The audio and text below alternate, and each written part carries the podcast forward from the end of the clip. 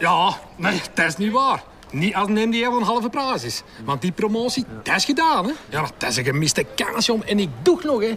Ik zeg, ik ga mijn zolder nog niet direct doen. Dus ik koop het niet.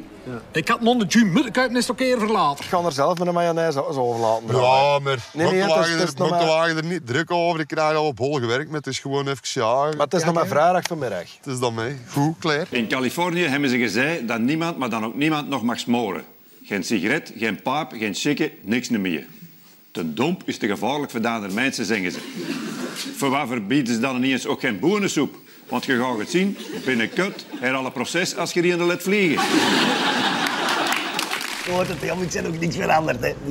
Met mij kunnen lachen. Ik ben nog al de kerel, hè. Ja, waren Ben Segers en Guy Mortier en Herwig Irigems. We hadden er ook Dirk van Tichelt bij kunnen zetten. Of Wout van Aert of Dirk Drouwland, Tom Bonen, Paul Herreigers zijn allemaal van de Kempen.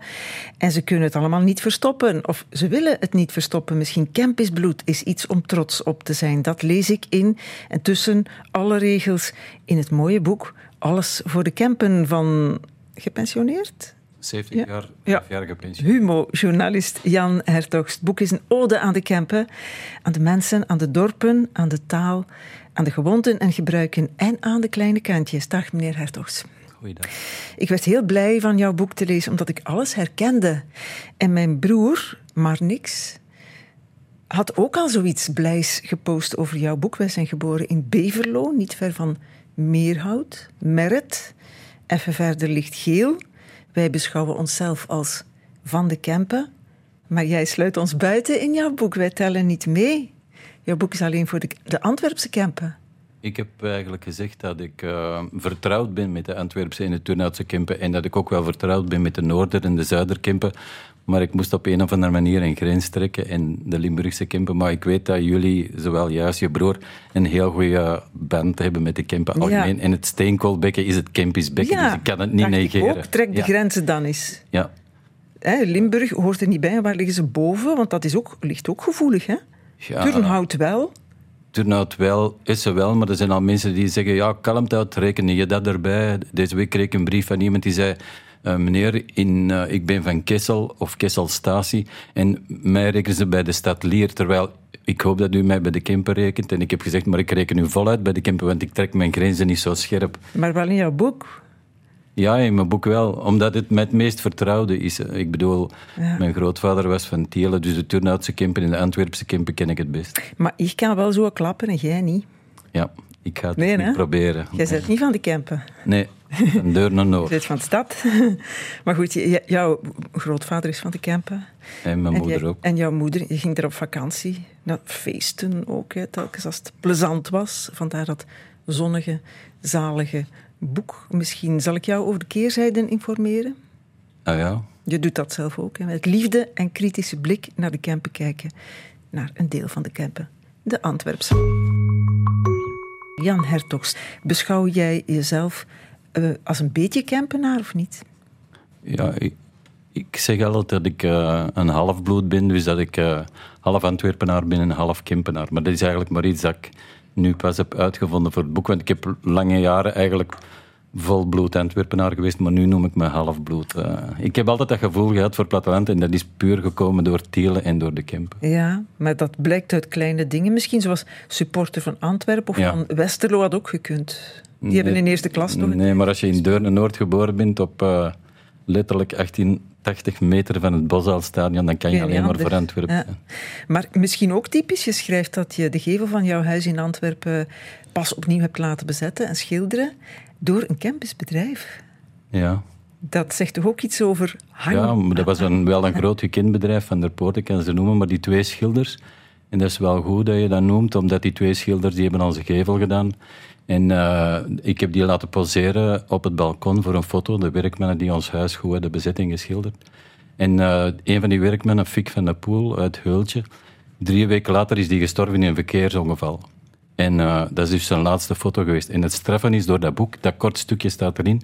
En gisteren zijn we opgebeld door zijn zoon, die vroeg of dat hij op het balkon mocht staan, waar wij dus die laatste foto genomen hebben. Dus dat is zo'n effect van het boek dat ik helemaal niet verwacht had, maar dat vind ik wel heel schoon. Ja. Wie zijn de echte Kempenaars in de familie?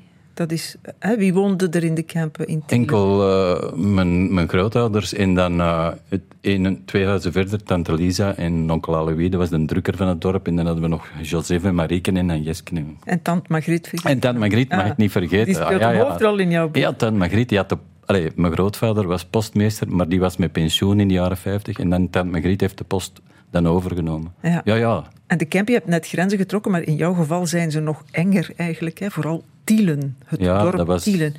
Ja, Dus, dat was mijn eerste kennismaking met de Kempen. Ja, ik kende eigenlijk alleen maar de Kerkstraat nog van Tielen, want daar was dat huis van mijn vava en mijn moe. Ja. En dan vooral de post. En vond je het als kind fijn om in de campen te zijn? Want je zou Maar dat ook heel vervelend kunnen Dat was niet het besef. Eh, Het besef was... eh, en wij hadden geen auto, dus we moesten al met de lange busrit eh, of met de boerentram, dus nog de buurtspoorweg helemaal naar Tielen. En die, dat was al een, een rit eh, vanuit Antwerpen, dus dat was al een belevenis op zich. Dus daar aankomen in Tielen en dan in dat huis. Maar daar s morgens wakker worden, misschien om vijf uur, zes uur. En dat je beneden onderaan de trap, eh, dat je daar al de facteurs hun brieven hoorde stempelen en afkloppen, zoals dat heette. En dat je dan op je blote kousenvoeten de trap afkwam. Je stak die witte deur open en je stond midden in een bedrijvigheid. Het was een heel stil huis, een heel stille familie eigenlijk. Maar dat huis, dat was...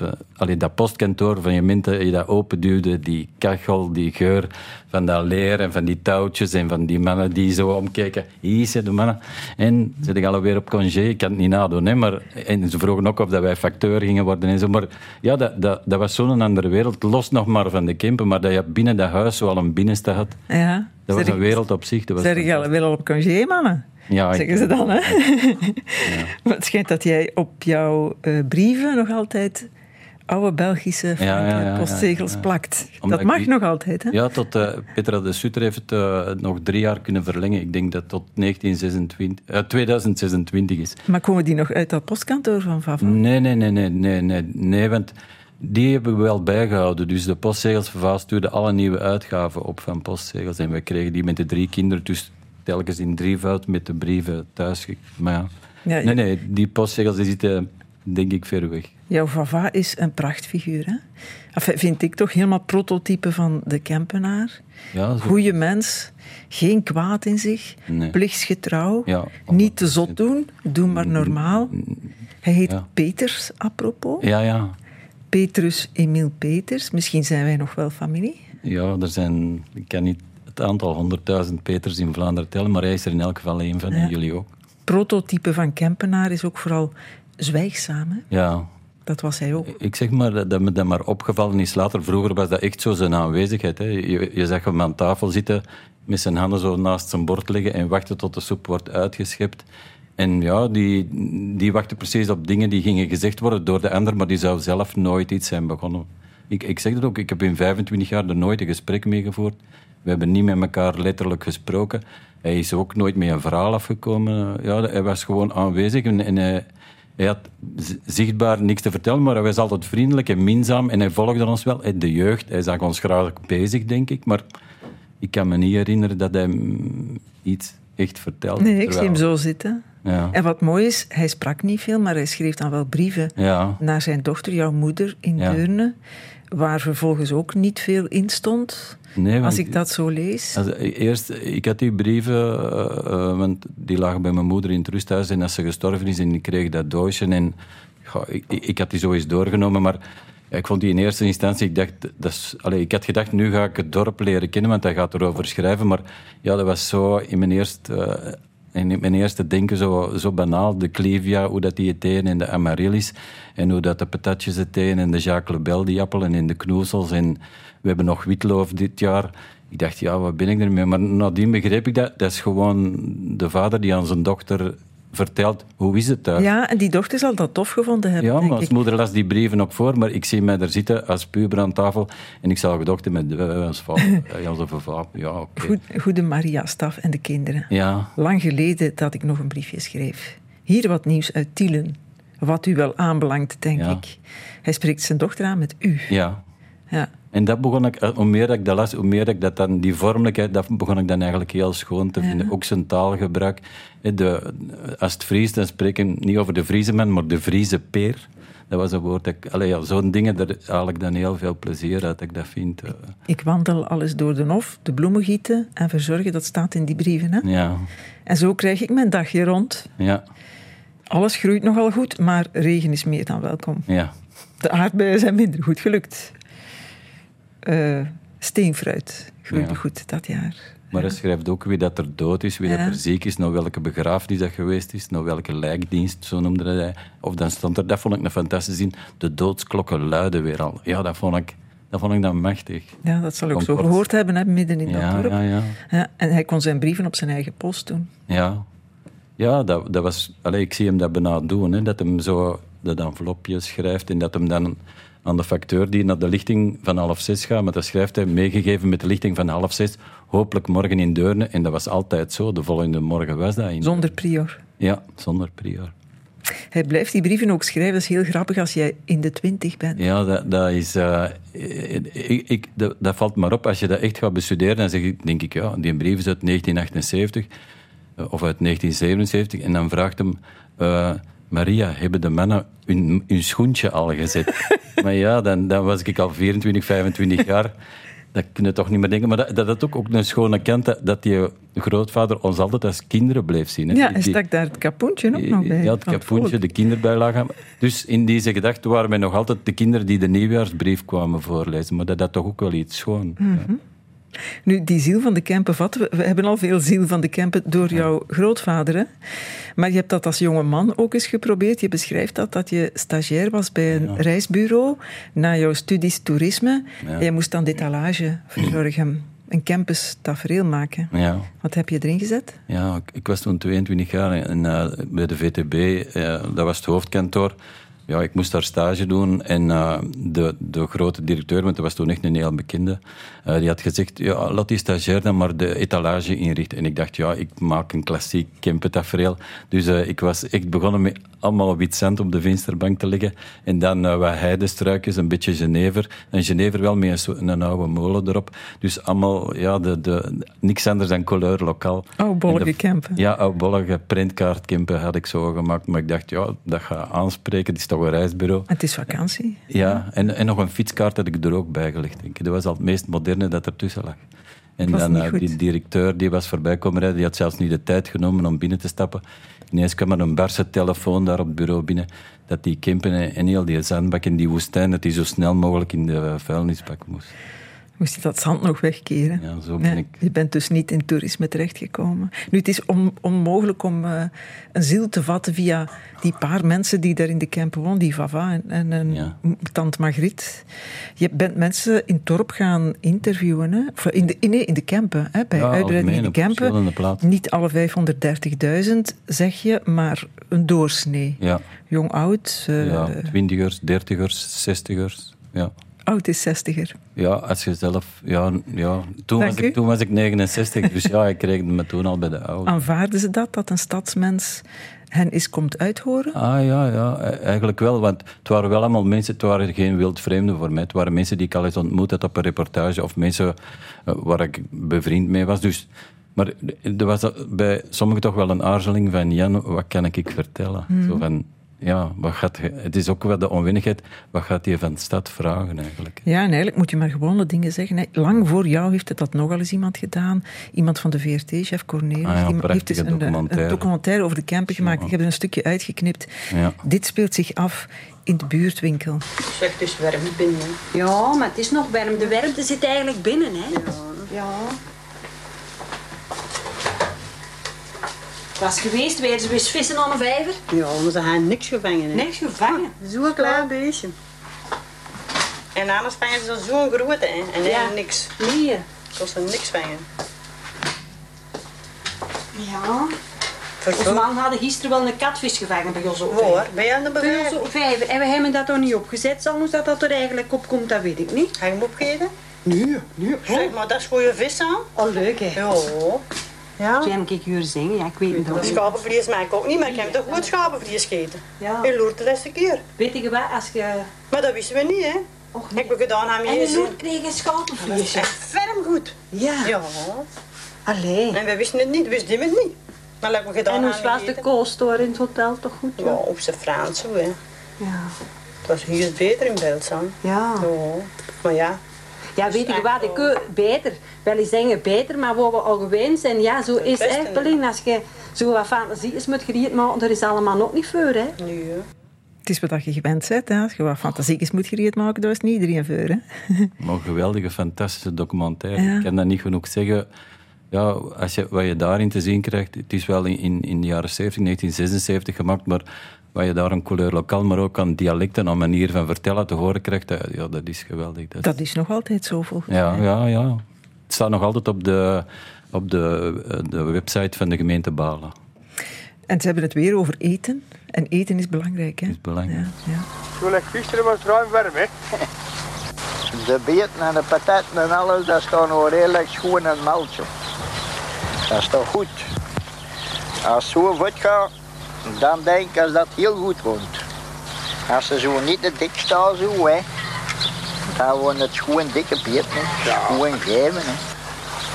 De beten die hebben een eigen dweer. Die Dat hebben- denk ik ook. Ja, die hebben een eigen dweer. Gisteren toen lieten ze de kop neerhangen, denk ik. Ja, maar als ze zo slap hangen, dan uh, is het het. Nee. Ja.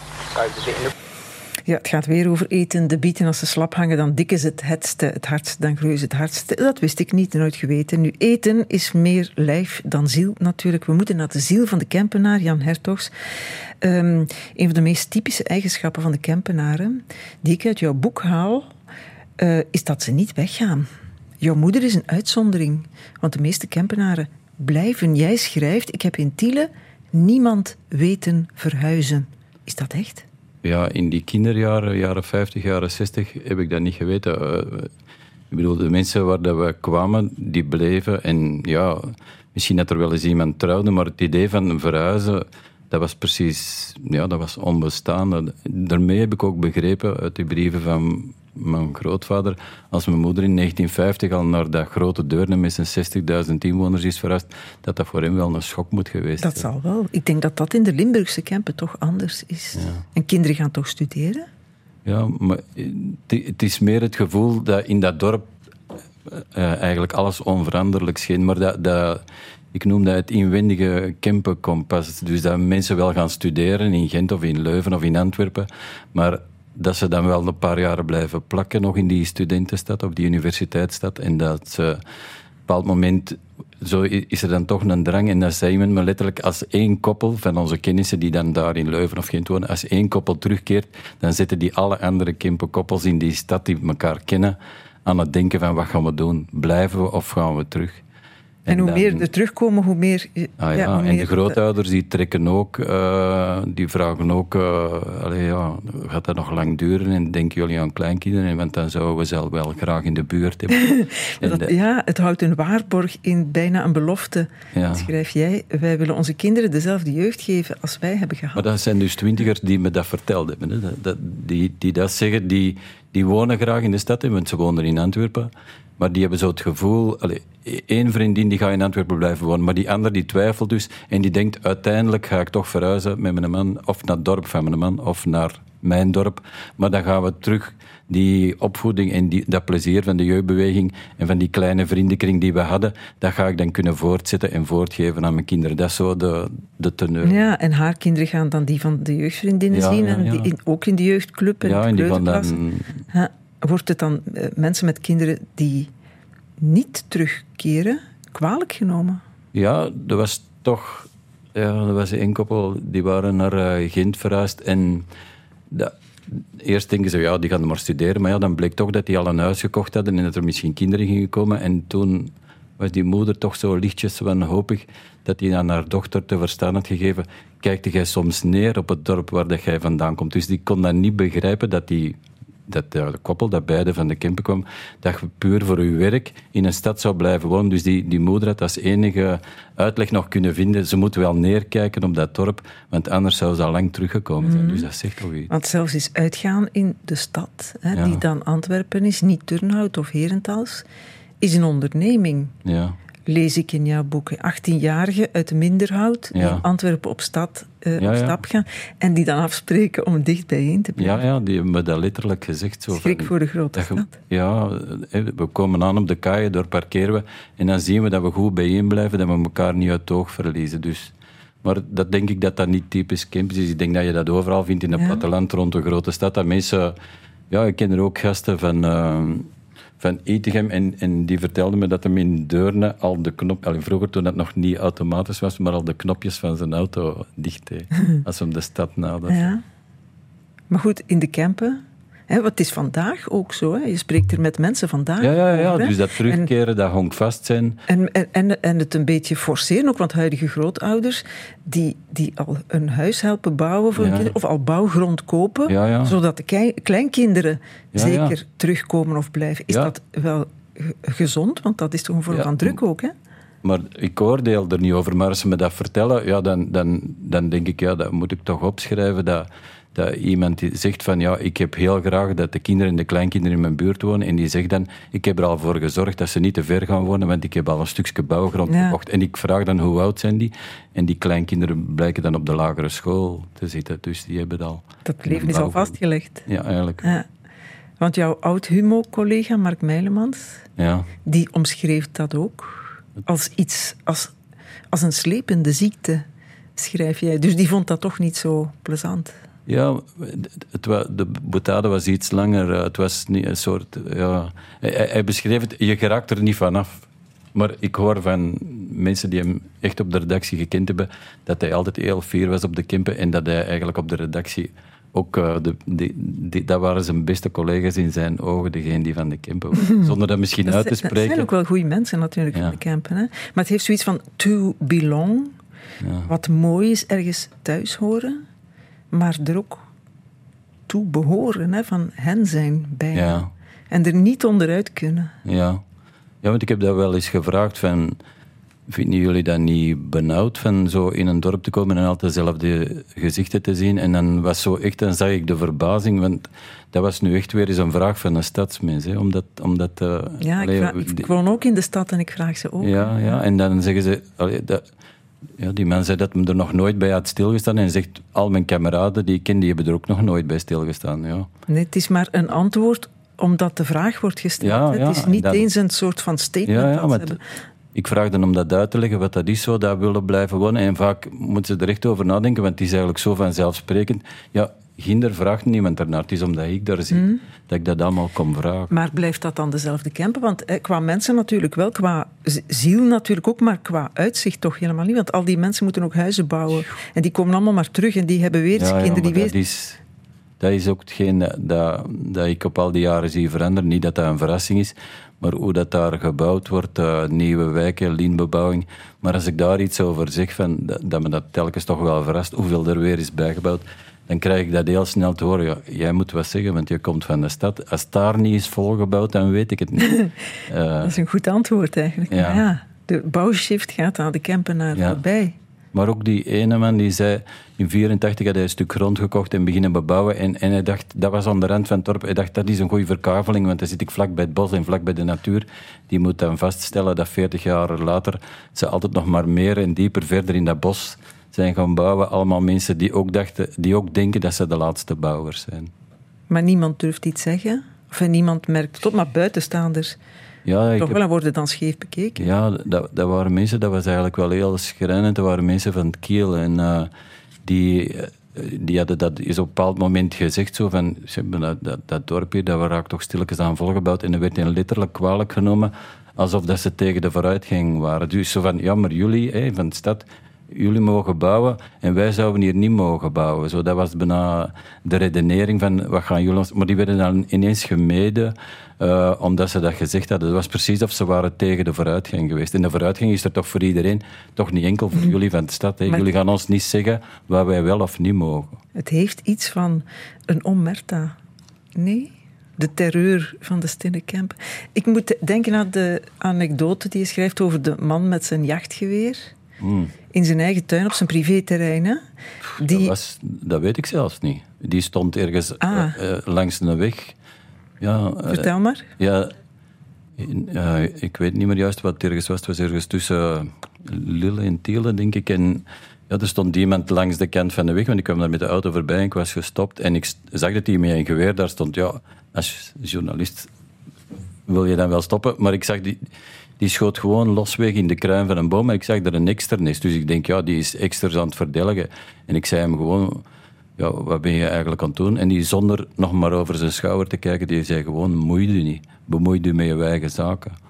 En dan dacht ik iets van, tja... En nadien, als ik dat vertelde tegen de mensen die ik voor dat boek gesproken heb, ja, die begrepen allemaal die man. En die begrepen ook dat ik die vraag stelde, jij van de stad. Maar zij zouden nooit die vraag gesteld hebben, zij zouden nooit gestopt zijn, zij zouden nooit die man eh, alleen zich gemoeid hebben. Ook al vonden ze het erg, hè. Sommigen vonden het erg dat de externist op die manier verdeelt, maar ze zouden nooit iets gezegd. Dat is omerta. Ik weet niet, dat is zwijgen het beleefd. Hè. Ja, dat is de Kempen. Axel Pereman is van Kiel in Antwerpen. Heeft zijn jeugd een tijdje in uh, het Kempse Pulderbos gewoond. En is daar gepest dat het niet meer schoon is. Dat komt uit jouw boek, Jan. Ja, de, ik had dat in een interview gelezen. En wat mensen ergens over de Kempen zeggen in interviews of zo, dat, dat knip ik dan uit. En dat, dat, was blijkbaar dat hij daar met zijn ouders, die allicht ook niet van Pulderbos waren, terecht was gekomen, daar op de lagere school, denk ik. En ik vermoed dat ze hem dikke nek, of wat je, wat je allemaal kan zeggen tegen gasten die van de stad zijn. En in mijn boek verbeeld ik mij dat ze hem ook in de netels hebben geduwd. Maar ja, ja ze, kunnen wel eh, hard zijn voor mensen die van buitenaf inburgeren of ergens komen ja, wonen. Daar heb ik ook wel een paar verhalen. Om maar te zeggen hoe moeilijk het is om in de Kempen te gaan wonen, komend van elders om geaccepteerd te worden. Er zijn nog grappige stukjes ziel van de Kempen. Het zot kunnen blijven doen, schrijf jij ook. Zelfs al ben je op jaren, jouw moeder kan dat. Jij kunt dat ook. Je bent nog niet op jaren, hè, maar ik vind wel dat je... Wat, met, met, mijn moeder in het rusthuis? Ja, dansend in de lift. Met, uh... Ja, ja, dansend was dat niet. Hè. Mijn moeder is zo een rustige, stille, zoals haar vader wel, wel van temperament wat anders. Maar ik kon mijn moeder nog wel zo met iets onnozel, ongeruimd uh, plezier doen, zoals in de lift. Dan kipte ik, ik pakte die handvatten en ik kipte dat zo naar achter ja, dat kon hij wel verdragen. Dat was uh, ja, dat ongerijmde. Kempenaren die hebben zo iets dwaas in hun humor, iets ongerijmd, dat, dat mij heel erg bevalt. Ja, en de voordeur is de achterdeur. Ja, dat is de binnenzak van het huis. Ja, niemand die van voor klopt. Ja. En als ze het toch doen, dan kom je langs achter. Ja, ja, dat is de voordeur, je doet niet de voordeur open. Nee, dat is letterlijk dat, ja, dat is twijfelde waar moet ik gaan staan? Ik denk, ik zal toch maar bellen. En dan komen ze helemaal rond zien wie dat er van voor aan de voordeur staat. Ja. Maar is dat ook wel zo, zo typisch campisch? Ja, want zo, is dat anders in de Westhoek of in Limburg? Ja, maar dat, dat, is, de moeite van, dat is de moeilijkheid van dat boek. Dat, dat, dat je wel geneigd bent om te schrijven, dat is zo. Maar dat is ook niet erg als andere mensen van het platteland zich daarin zullen herkennen. Want ja, het boek heet Alles voor de Kempen, maar het is eigenlijk toch een pleidooi van iemand van de stad voor meer aandacht voor het platteland. Voor journalisten dan om er meer en anders over te ja, schrijven. Want in die zin gaat dat boek over, over het platteland in zijn ja. algemeenheid. Die van stad willen wel eens neerkijken op de boerkes van de Kempen, is een zin uit jouw boek. Tot het oorlog wordt, dan staan ze hier aan de deur om eten te bedelen. Je kan die Kempen weglaten en dan heb je de stad kijkt wel eens neer op de boerkes van de buiten. En dat is geen mens van 90 die dat zegt, dat is er een van 60. Ja, en ik denk wel dat je dat in West-Vlaanderen ook zou kunnen horen, omdat ze misschien allemaal daar hetzelfde hebben meegemaakt in de Eerste en de Tweede Wereldoorlog. Dat, uh, dat dan die van de stad uh, bijna, zoals ze zegt, op hun knieën naar hier komen en dan zullen die burgers ineens wel ja, dan, dan hebben ze die heel hard nodig.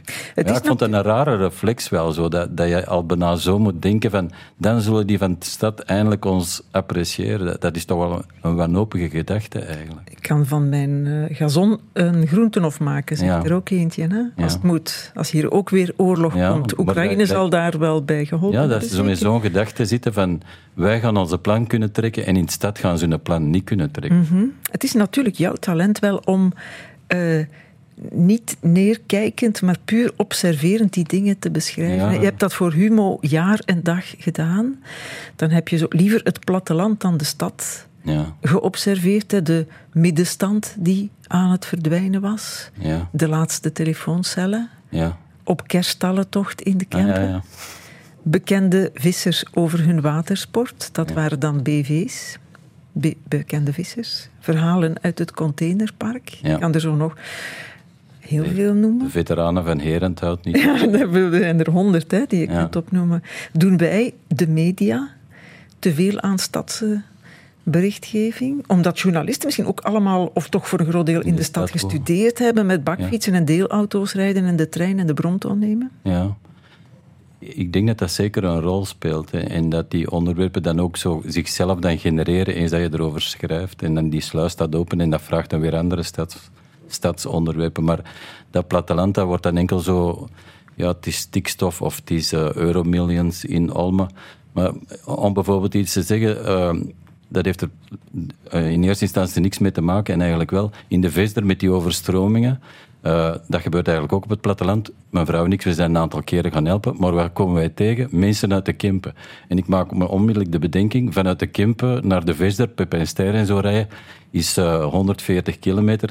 En van Antwerpen is het 145 kilometer. Je kan niet zeggen dat die 5 kilometer dat verschil in behulpzaamheid gaan maken. En toch is het zo dat wij heel weinig mensen van Antwerpen, buiten de scouts van Hoboken, zijn tegengekomen.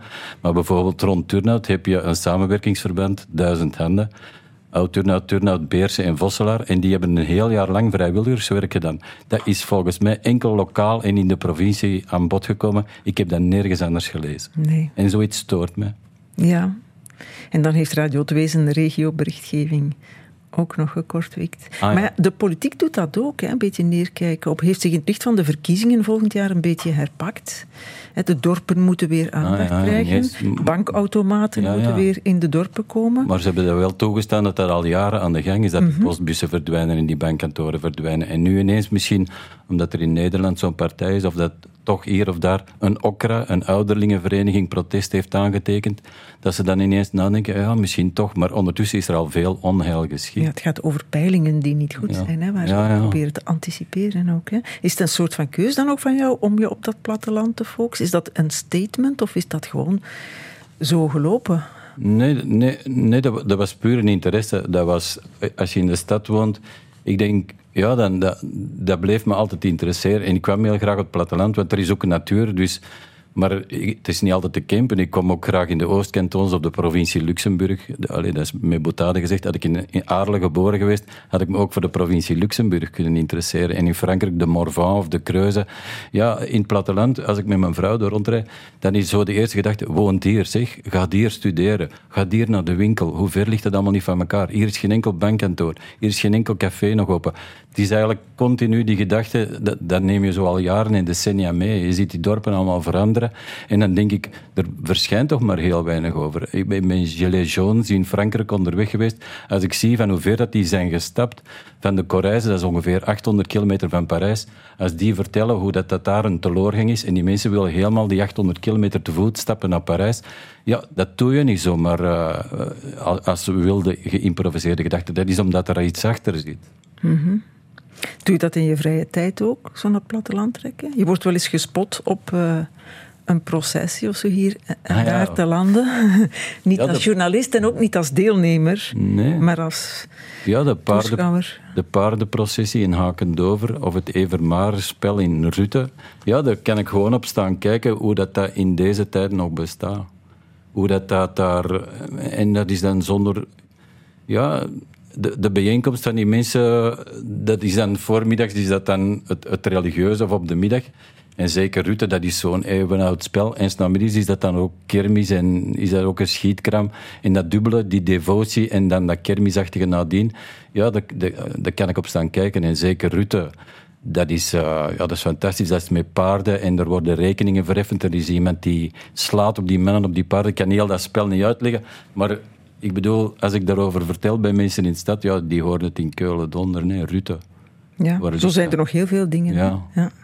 Akendover, prachtige naam. Ja, ik moet trouwens ook meegeven dat het platteland ook neerkijkt op de stad soms. Want Johan ja, ja, Vak keek met een scheef oog naar de stad. Daar werkten de luie postmannen die weggestuurd waren uit de Kempen. Ja, dat, dat, dat is vaak dat. En ik merk dat ook wel als ik, uh, als ik met mensen van het platteland spreek ik heb wel die interesse voor hen, maar eh, andersom heb, heb die heel weinig vragen naar hoe het leven in de stad is. Het interesseert hen waarlijk niet, waarschijnlijk. Ja, ze moeten er niet zijn. Ik heb daar niks verloren. Dat is waar. Alles voor de Kempen. Mooi boek van Jan Hertogs, uitgegeven bij Tsara. Dankjewel, Jan Hertogs. Dank u.